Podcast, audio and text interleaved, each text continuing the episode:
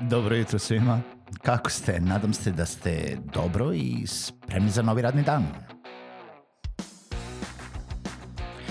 Pozdrav svima i dobrodošli na podcast Male pobede, stari novi podcast koji, well, koji je tu da bi vam kroz pitanje i savete dao motivaciju, pokrenuo vas u pozitivnom smeru i pomogao da ovaj dan počne bolje, jače i možda čak i zabavnije. Moje ime je Željko Crnjaković.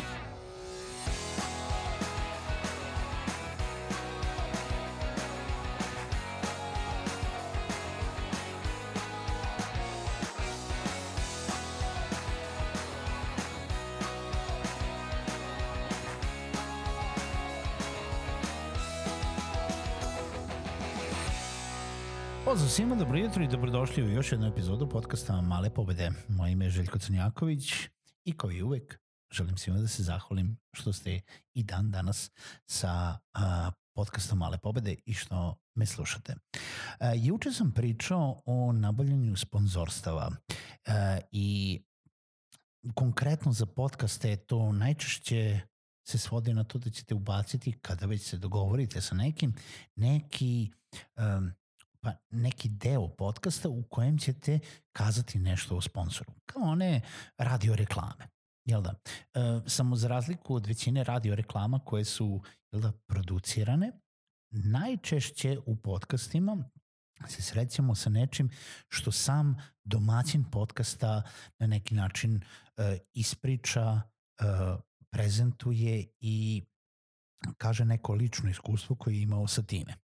I baš u tome hoću da se fokusiram danas. U stvari, hoću da vam pričam o razlici između tako nekog ličnog pristupa, o implementiranom nekom oglasu koji je jel da, snimljen od strane nekog drugog i samo ubačen u epizodu i nekog ono tipa opšte prihvaćenog internet marketing žargona koji se zove programetik oglašavanje koji polako uh, uh, sam ono primeti, smo primetili ulazi ponekad i u podcast uh, sferu zato što jednostavno je lakše za podcastere da ponude svoje podcaste na programatik platforme, to je platforme koje nude programatik oglašavanje i na taj način dobiju ta neka sponzorstva. E sad, ajde da počnemo od, od nazad. Šta je uopšte programatik oglašavanje? Programatik oglašavanje je jedan komplikovan izraz koji služi uh, da jel da prikaže sistem uh, automatskog oglašavanja na internetu. Automatskog, šta znači pod, opet automatsko? Uh, zamislimo dosadašnje oglašavanje na internetu. Nebitno da li se nalazi na nekom sajtu, na YouTube-u, nešto, uglavnom mislimo na neko display oglašavanje, znači prikazivanje nekih banera. Prvi put kako se to radilo, tako što je neko otišao i kazao ja želim moj baner na tvom sajtu, koliko ćeš time ovaj, tražiti za to para i evo ti baner, stavi ga na svoj sajt. Onda sledeći korak je bilo da ponudite svoj baner kroz neko Google Ads oglašavanje, uh, recimo Google Ad Network koji ima preko 2 miliona sajtova uh, gde će se prikazivati ti baneri. I to je i dan danas opšte prihvaćen način uh, jel da, korišćenja te velike, velike mreže sajtova, jer Google jel da, se nalazi svuda i svi sajtovi žele da budu deo te mreže i na taj način dobijamo taj neki onaj, mi kao a, jel da, kre, kreatori nekog sadržaja, setimo se nazad kada su bili blogovi najaktuelniji, jel da kako zarađuju blogovi? Pod nekog AdSense-a od toga što imaju banere po svom sajtu, pa koliko ljudi vidi ili klikne na taj baner, toliko oni dobijaju tamo ne znam koliko centi po kliku i onda se to tamo taloži mesec dana i onda dobijete XY na kraju meseca. Izvinjavam se. I uh, programatic platforme su jedan korak dalje. U stvari, korak dalje su u tom smislu da se vaš baner ne prikazuje na svih 2 miliona sajtova u okviru Google-ove mreže, nego jednostavno uh, prikazuje se tamo gde će biti najviše gledan. A to rade sve pozadinski sistemi koji su programirani jel da, ovaj, o, tako da prate e, jel da, sad preko Googleovih pretraga, preko ličnih podataka, preko svih onih podataka koje svi mi ostavljamo na internetu, šta bi bilo, šta bi bio najbolji oglas da se prikaže u tom datom trenutku. I zato, recimo, kada ja odem na neki sajt, vidim jednu vrstu banera, a vi kada odete na taj isti sajt, vidite ne, možda neki drugi baner. Zato što je naš search bio u pozadini drugačiji. I sad programatik, možemo da uđemo u neku diskusiju posle toga, ima tu milion ovaj akronima koji su smišljeni za programatik, koji uključuju i DSP, i SSP, i DMP, i FTB i tako dalje. I oni svi akronimi označavaju pojedine delove sve te programatik mreže, da li je uh, demand side, supply side, data management, real-time bidding i tako dalje, jer vi sa jedne strane kao neko ko želi da stavi uh, svoje banere idete u demand side, supply side je oni koji su kreatori sadržaja, u stvari tamo delovi koji nude mesto za taj sadržaj. Data management je nešto što radi jel da, data management i processing, a real-time bidding je isto kao ono kada odete na Googleove servise ili na Facebookove servise što vam je najprijemčivije i tamo kažete koliko para želite da odredite, pa ne znam, cost per million, pa cost per click, pa i tako dalje.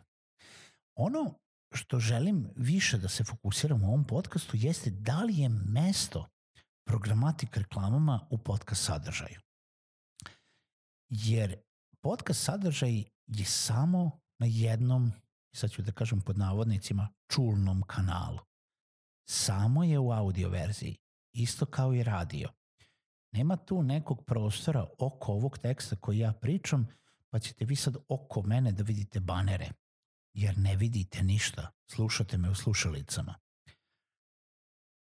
I najbolji način da ukoliko kreirate podcast, plasirate neki promotivni sadržaj, jeste da ga vi sami plasirate.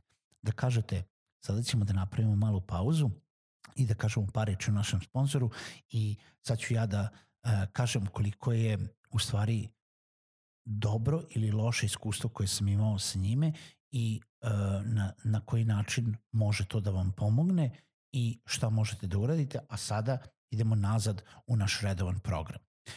Uh, I na taj način, a vidjet ćete kada se kreiraju reklame ili ako slušate podcaste, sigurno ste već čuli neke od takvih koji, koji su pod navodnicima da, endorsovane, to jest uh, na neki način uh, promovisane od stramog domaćina, naspram toga da sada se bukvalno podcast preseče i da se uh, jel da pusti neka totalno reklama koja nema veze sa vezom koja pre, prekida neki flow podcasta uh, gde se pojavljuju neki drugi glasovi, pojavljuju se neki drugi zvukovi, pojavljuje se gomila uh, drugih stvari, što isto može da dođe u obzir ukoliko ste vi to sami omiksali, ukoliko ste vi to sami isproducirali, ukoliko ste vi sami se dogovorili sa sponzorom kakav to, uh, kakva to reklama može da bude.